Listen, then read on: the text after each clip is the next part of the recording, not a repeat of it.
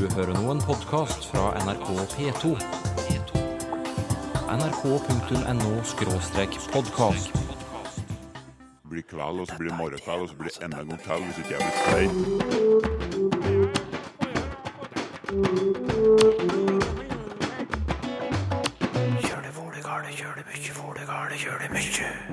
Norsk har flere R-lyder. Vi blir kjent med en av dem. Denne her eh, kan en vel kalle for en apikal-approximant. Skjellsord hadde også sin plass i Prøysens diktning. Det er lett å se. Vi skal møte gutter nå. Tispe. Å, fy og fy. Og hvor er egentlig Hutteheiti? Det morsomme er at det kommer fra en plass som ligger langt borte fra oss alle her i Norden. Min gode kollega Per Christian, han har Øksnes-R. Ja, Mora mi sier at jeg ikke må bruke sukker på rømmegrøten. En R hentet fra Øksnes i Vesterålen, og det bringer oss til et lyttebrev fra Ragnhild Aspås. Hva heter R-en vi hører i noen nordnorske dialekter, vil hun vite. Ja, Hva kalles den, Arne Torp, du som har skrevet en hel bok om lyden R? Hva heter Ja. denne R-en her? Jeg vil jo ikke si lyen her, men ly-R-lyene, for det er jo masse Ja. R-lye. Ja. Men alle sammen kan da betegnes med, i skrift med bokstaven R.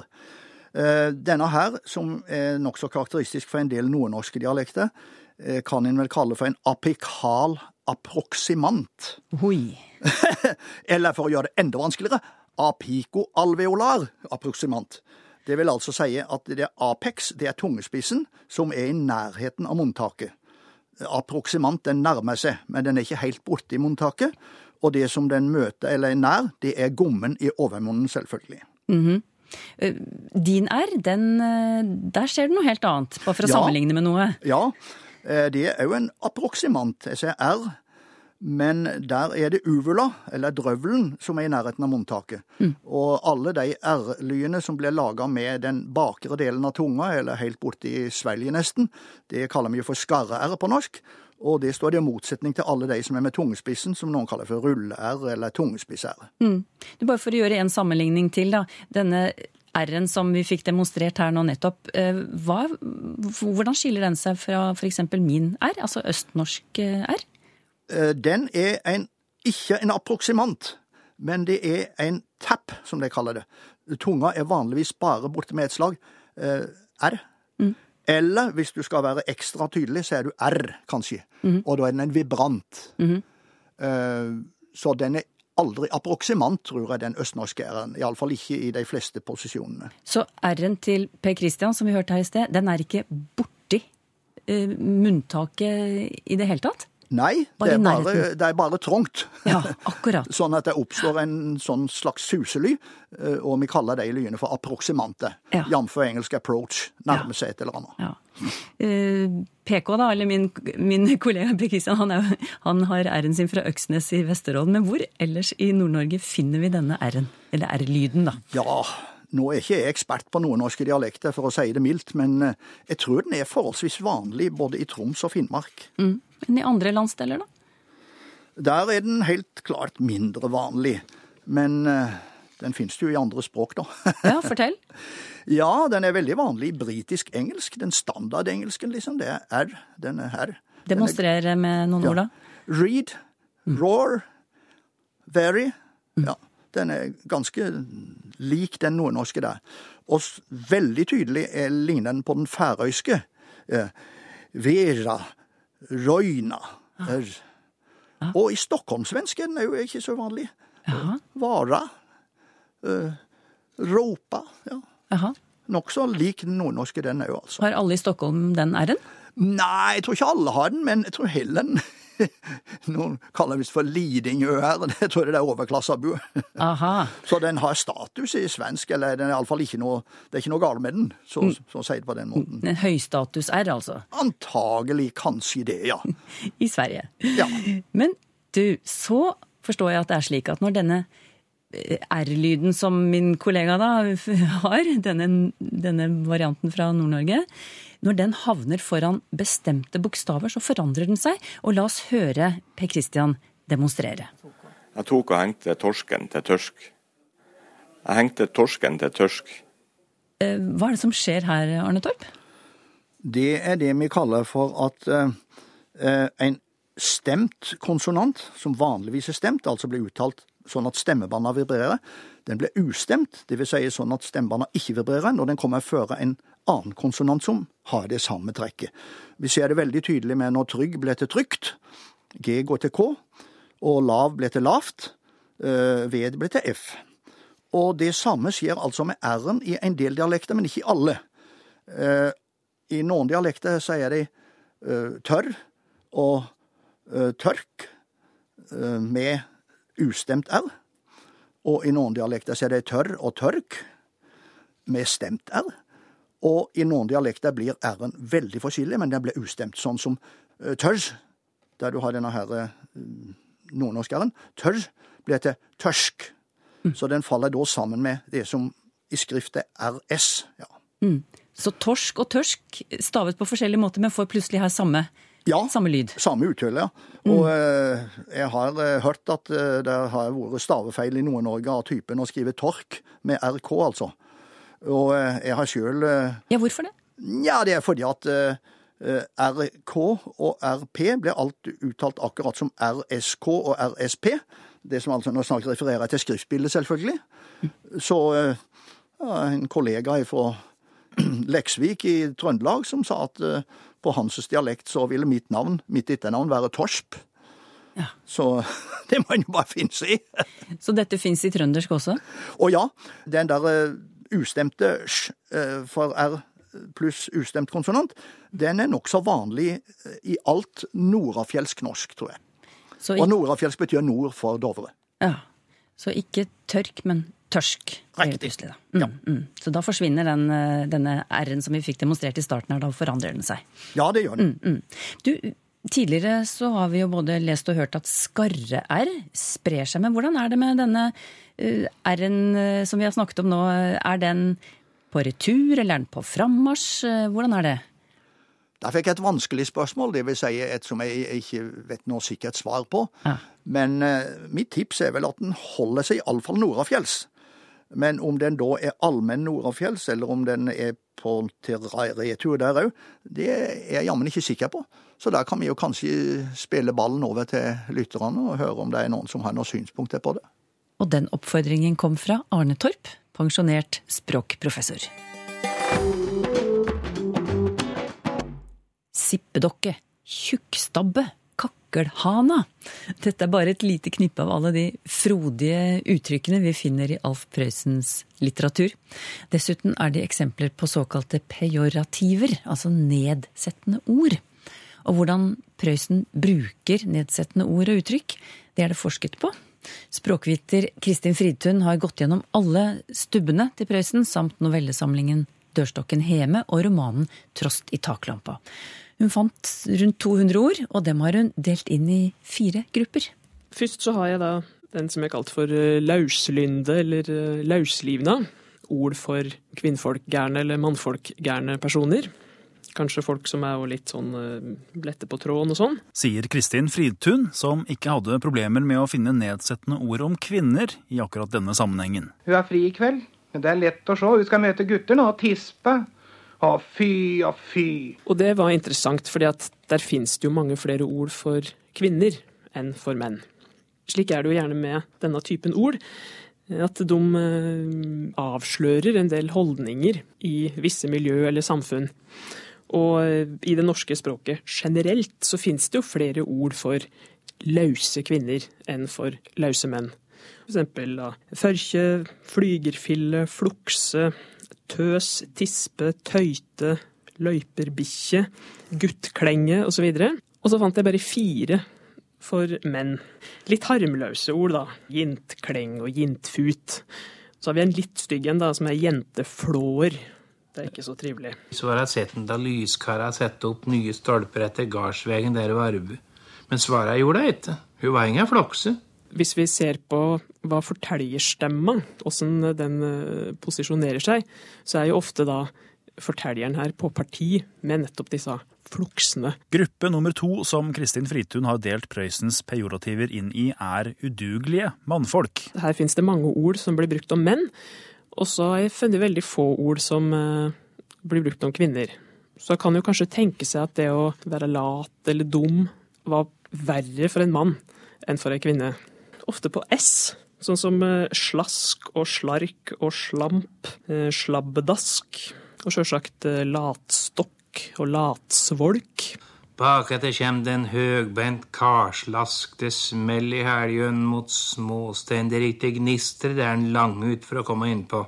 Fra de udugelige mannfolka går vi over til kvinnfolka, og de er gjerne sure og grinete. Alle har jo hørt uttrykk som hespetre og hurpe og den slags. Vi har òg snurpe, som jo kan vi se for seg som er litt stram om munnen, sikkert. Og så har vi gølleie, altså ei gølleie, ei som er gøllei. Sippe, survdokke, galleblæredame, som kanskje òg må være et ord Prøysen har laga.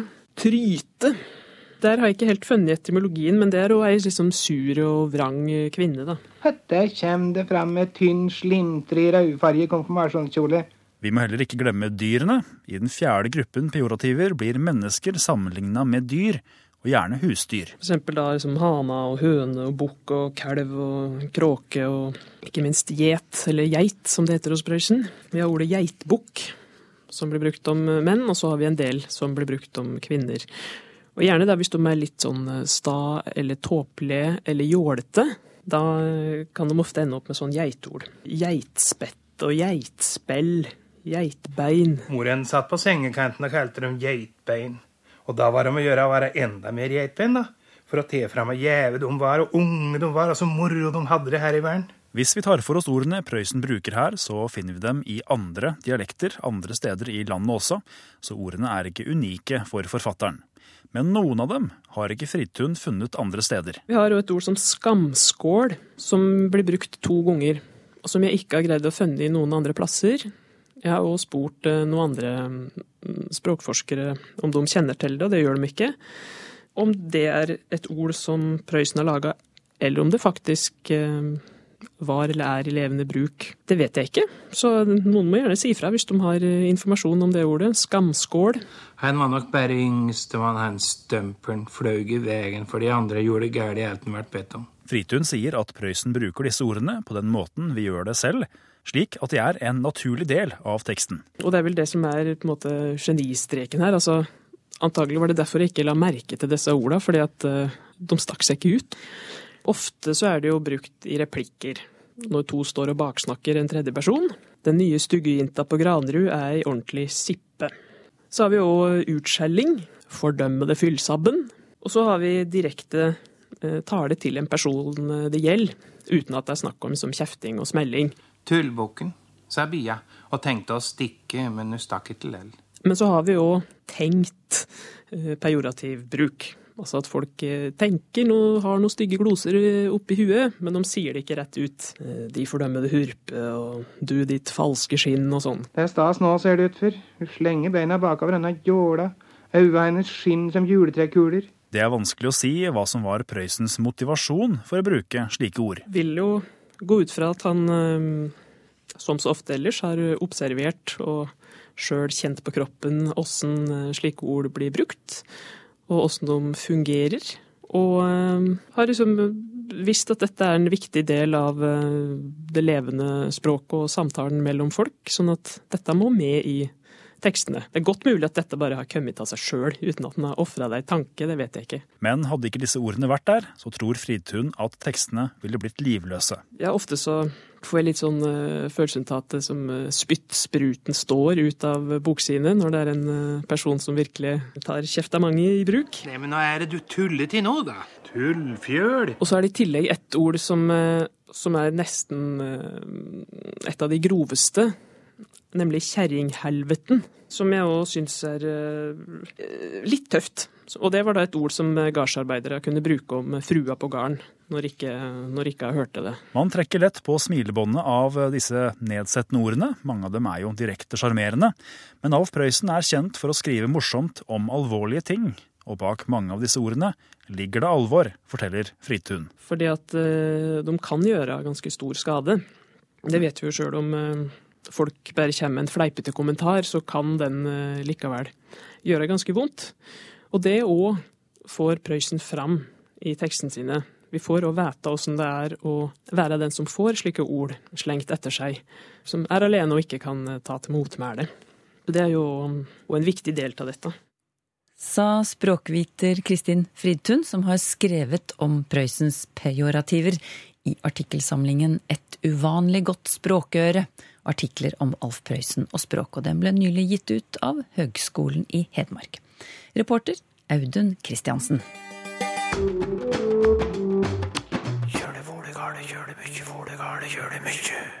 I lytterspalten i dag skal vi først til Hutteheiti, eller Huttiheita kan det også hete. Og da er spørsmålet hvor i all verden er det? Det lurer Peivi Hilska på, Sylfes Lomheim. Og det er rett og slett ein plass som ligg langt borte når vi snakkar til Hutiheita. Langt borti Hutiheita. Det morsomme er at det kjem frå ein plass som ligg langt borte frå oss alle her i Norden, nemleg Tahiti i Stillehavet. Så dette er ei, ei omskriving eller forvansking av Tahiti, og det er visstnok slik at på tahitisk så heiter denne plassen Uttaheiti. Og eh, det kan jo òg eh, tyde på at dette har kommet til oss via sjøvegen og sjøfarten og så videre. Og når det gjelder disse to variantene, Huttiheita eller Huttaheita eller Heiti, så er det altså den med a-en som er liksom i hermetegn mest korrekt. I og med at det er ottaheiti, så er det jo Huttaheiti som egentlig er den retteste måten å si det på i norsk, men her finnes det jo både Huttiheita og Huttaheiti og alt mulig, mm. sjølsagt. Tommy Andreassen lurer på hvordan himmelretningene har fått navnene sine. Han er forundret over at øst og vest er såpass like i uttale, eller aust og vest. Han sier nord, sør, øst. Det er ikke til å ta feil av. Og det samme med nord, sør, vest. Men f.eks. På, på en dårlig radioforbindelse på sjøen blant fiskere, så kan det være vanskelig å høre forskjell på øst og vest. Og da, det kan få fatale konsekvenser. Kan, ja. kan du oppklare dette, Sylfes Ja, det, det, er helt rett. Og da kan jeg ta litt eh, radiohistorie. Fordi at eh, hvis vi går en generasjon tilbake med fiskerimeldinger og værvarsler som var viktig for fiskere, f.eks., og det var viktig at ikke det var mistolking, så var det egentlig et pålegg i NRK i eldre dager at de ikke skulle si øst-vest, for hvis det var litt dårlige mottakarforhold, så kunne det blandast mykje lettare i hop enn om dei konsekvent sa øst og vest. Altså lyden øst var mykje tydeligere ulik vest enn øst var. Slik var det før i NRK. Men uh, den slags uh, handregler eksisterer ikke lenger i NRK nå. Så er det sjølve orda. De er jo urgamle, naturligvis. Vi kan jo tenke oss at himmelretningene det må være noe av det eldste vi har i språket, og det er sant. Vi kan begynne med nord. Nord, eh, vi veit jo hva det er, det er et gammelt ord også for venstre, faktisk. Og det er jo fordi at det ordet har opphavet sitt i den situasjonen at vi står og ser mot soloppgangen i øst. Og da blir nord til venstre. Og der skjønner vi òg kanskje bedre den gamle uttrykksmåten med at noe går nord og ned.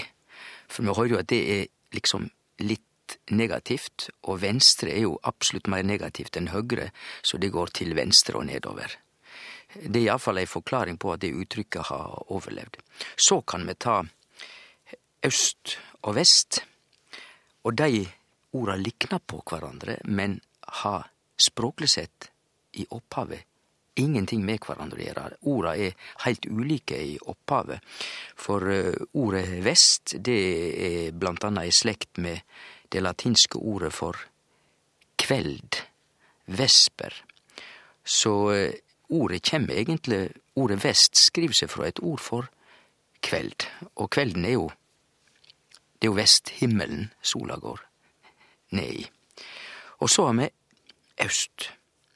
Og da skulle vi jo tro at det har med morgen å gjøre, og det er akkurat det det har. Fordi at eh, øst er litt i slekt eh, via andre ord med det latinske ordet aurora. Og det veit vi jo fra Anne-Kat. Vestli og andre sammenhenger at det er morgenlyset. Så både øst og vest har med sola å gjøre, altså øst er soloppgangen, og vest er solnedgangen. Det er morgen og kveld. Heilt logisk. Og like logisk er ordet sør, fordi at det henger sammen med ordet for sol. Så sør er rett og slett solsida. Men, men sør ligner jo ikke på sol. Nei, ikke nødvendigvis, men hvis vi tenker på ordet sonne på tysk, som er sol, og sun på engelsk, som òg er sol, og så er det slik at sun, sønn, ligger til grunn for suder, så det har da vært en n der før det er sudersunder, kanskje. Så det er solretningen. Uh, og det er suder som har gitt oss sør. Så konklusjonen er at alle, alle himmelretningene er ganske logiske når vi først får nøkkelen til alt sammen, og det er sola. Erling Andersen leser og hører at det brukes både én takk og ett takk. Er begge kjønn korrekte, spør han. Svaret er jo nei. Det heter én takk, og på nynorsk én takk, eller faktisk også ei takk. Det er det som er kjønnet til dette substantivet i norsk. Ja, altså enten hannkjønn eller hunnkjønn. Ja. Mm. Men, men, du, Sylfest Lomheim, jeg tok bare et raskt søk i eh, avissamlingen av tekst, og der er det jo mange treff på ett takk. Et takk for sist, et takk for alt, et smil og et takk tilbake, osv., osv. Uten så mye som et takk. Så ja, er ikke det litt merkelig, da? Visste det ikke enn at du kom med det? Jo da, og det stemmer det. Men her må vi tenke oss at eh, et takk for sist, det er jo helt fint å si. Og da underforstår vi et takkens ord. Altså, det er nok, det er nok ordet ord som ligger og spiller under et takk. Mm. Eh, jeg vil frambringe et hjertelig takk for sånn et ord. Så historisk sett så er det jo eh, hankjønn, eller eventuelt hokjønn, som er de tradisjonelle kjønna til dette ordet i norsk. Per Arne Halvorsen lurer på hvorfor vi bruker forskjellige kjønn på kroppsdelene våre. Ta for eksempel ett øre, ett lår, ett kne, men én legg og én ankel. Jeg vet at det er slik vi sier og skriver, men hvorfor, spør Per Arne Halvorsen. Nei, det er ikke noe annet svar på det enn at det er vane, altså konvensjon. For ellers, eh, hvis det hadde vært et system i det, så skulle jo alle kroppsdeler for eksempel ha inkjekjønn, eit hovud, eit kne, eit øyre, eit hjarte osv. Men slik er det jo ikke. Men sjølve spørsmålet som ligger til grunn her hos Per Arne Halvorsen, er vel dette med kjønn og hva som da blir hankjønn, hva blir hokjønn og hva blir inkjekjønn.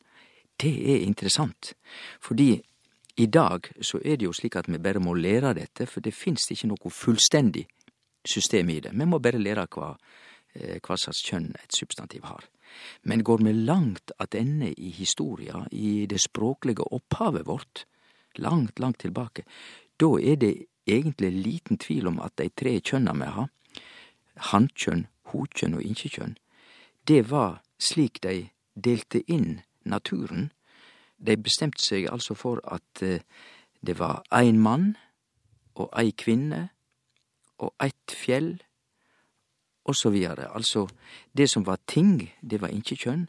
Det som var hokjønn, det vart omtalt som hokjønn, og det som var hankjønn, var hankjønn. Dette er altså ei urgammal inndeling, og den har sjølvsagt forsvunnet som system, men hvis vi ser på substantiva våre den dag i dag, så ser vi en tendens til at det er faktisk mykje hankjønn i hankjønnsord, hokjønn i hokjønnsord, osv. Men dette er ikke gjennomført, så det er bare rester eller tendenser vi ser nå i våre dager av dette gamle, urgamle systemet. Hva er det som skjer med mange ord som ender på um, spør Peter Andreas eh, Kjelsberg. Han registrerer at um-endelsen forsvinner. Det er iallfall hans påstand. Eh, Han fortsetter. Det snakkes om et stadie, et kriterie, et privilegie, et scenarie. Ja, til og med et mysterie. Hva er det som skjer? Er det en naturlig utvikling, dette her, Sylfus Lomheim? Ja, du vet hva som er naturlig språk. Det er iallfall ei utvikling, og språket bestemmer sjøl hva som er naturlig. Men det er ikke tvil om at eh, Peter Andreas Kjelsberg har rett. Her er det noe på gang, som det heter, og det han nevner, det er feil språkbruk etter gjeldende regler. Det er veldig viktig at vi er klar over at disse latinske orda, som er inkjekjønn, de ender på ium. Vi har eit studium, eit kriterium, eit privilegium, osv., osv. Det skal vere ium, og det er inkjekjønn. Nå er det jo slik at eit studium kan ha forma ein eller ein studie, og det betyr noko anna, for det kan vere ei tekning eller eit utkast eller noko slikt, som da tyder noko anna enn eit studium, eit, eit fagopplegg. Og grunnen til at vi har det som ord i hankjønn. det er fordi at det har vi lånt fra, fra fransk, medan eit studium har vi lånt direkte fra latin, altså inkjekjønnsord ium. Så eh, det er ikke tvil om at her må vi holde regelen høgt og fast, eh, iallfall inntil videre framover. Det heiter eit studium og eit kriterium og et privilegium. Mm.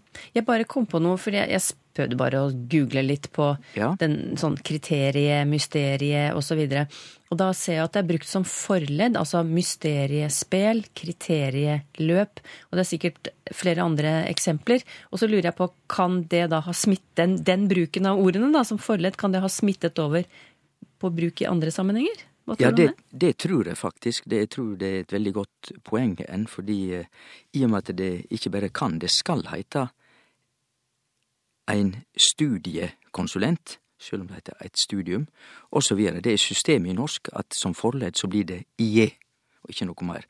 Og da er det fort gjort at det smitter over når vi omtaler dette som sjølvstendige, altså sjølvstående substantiv.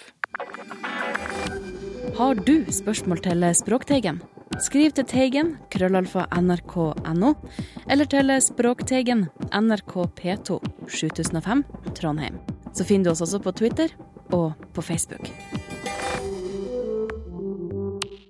Hva er dette? Fragun frokinano e ferhua vildi, gotano theudanaj, golthekaupan. urnordisk. Hm, Kanskje snakket vi slik 400-500 år etter Kristus? Eller fantes det ikke noe felles språk i Norden på den tiden? Språkteigen om en uke.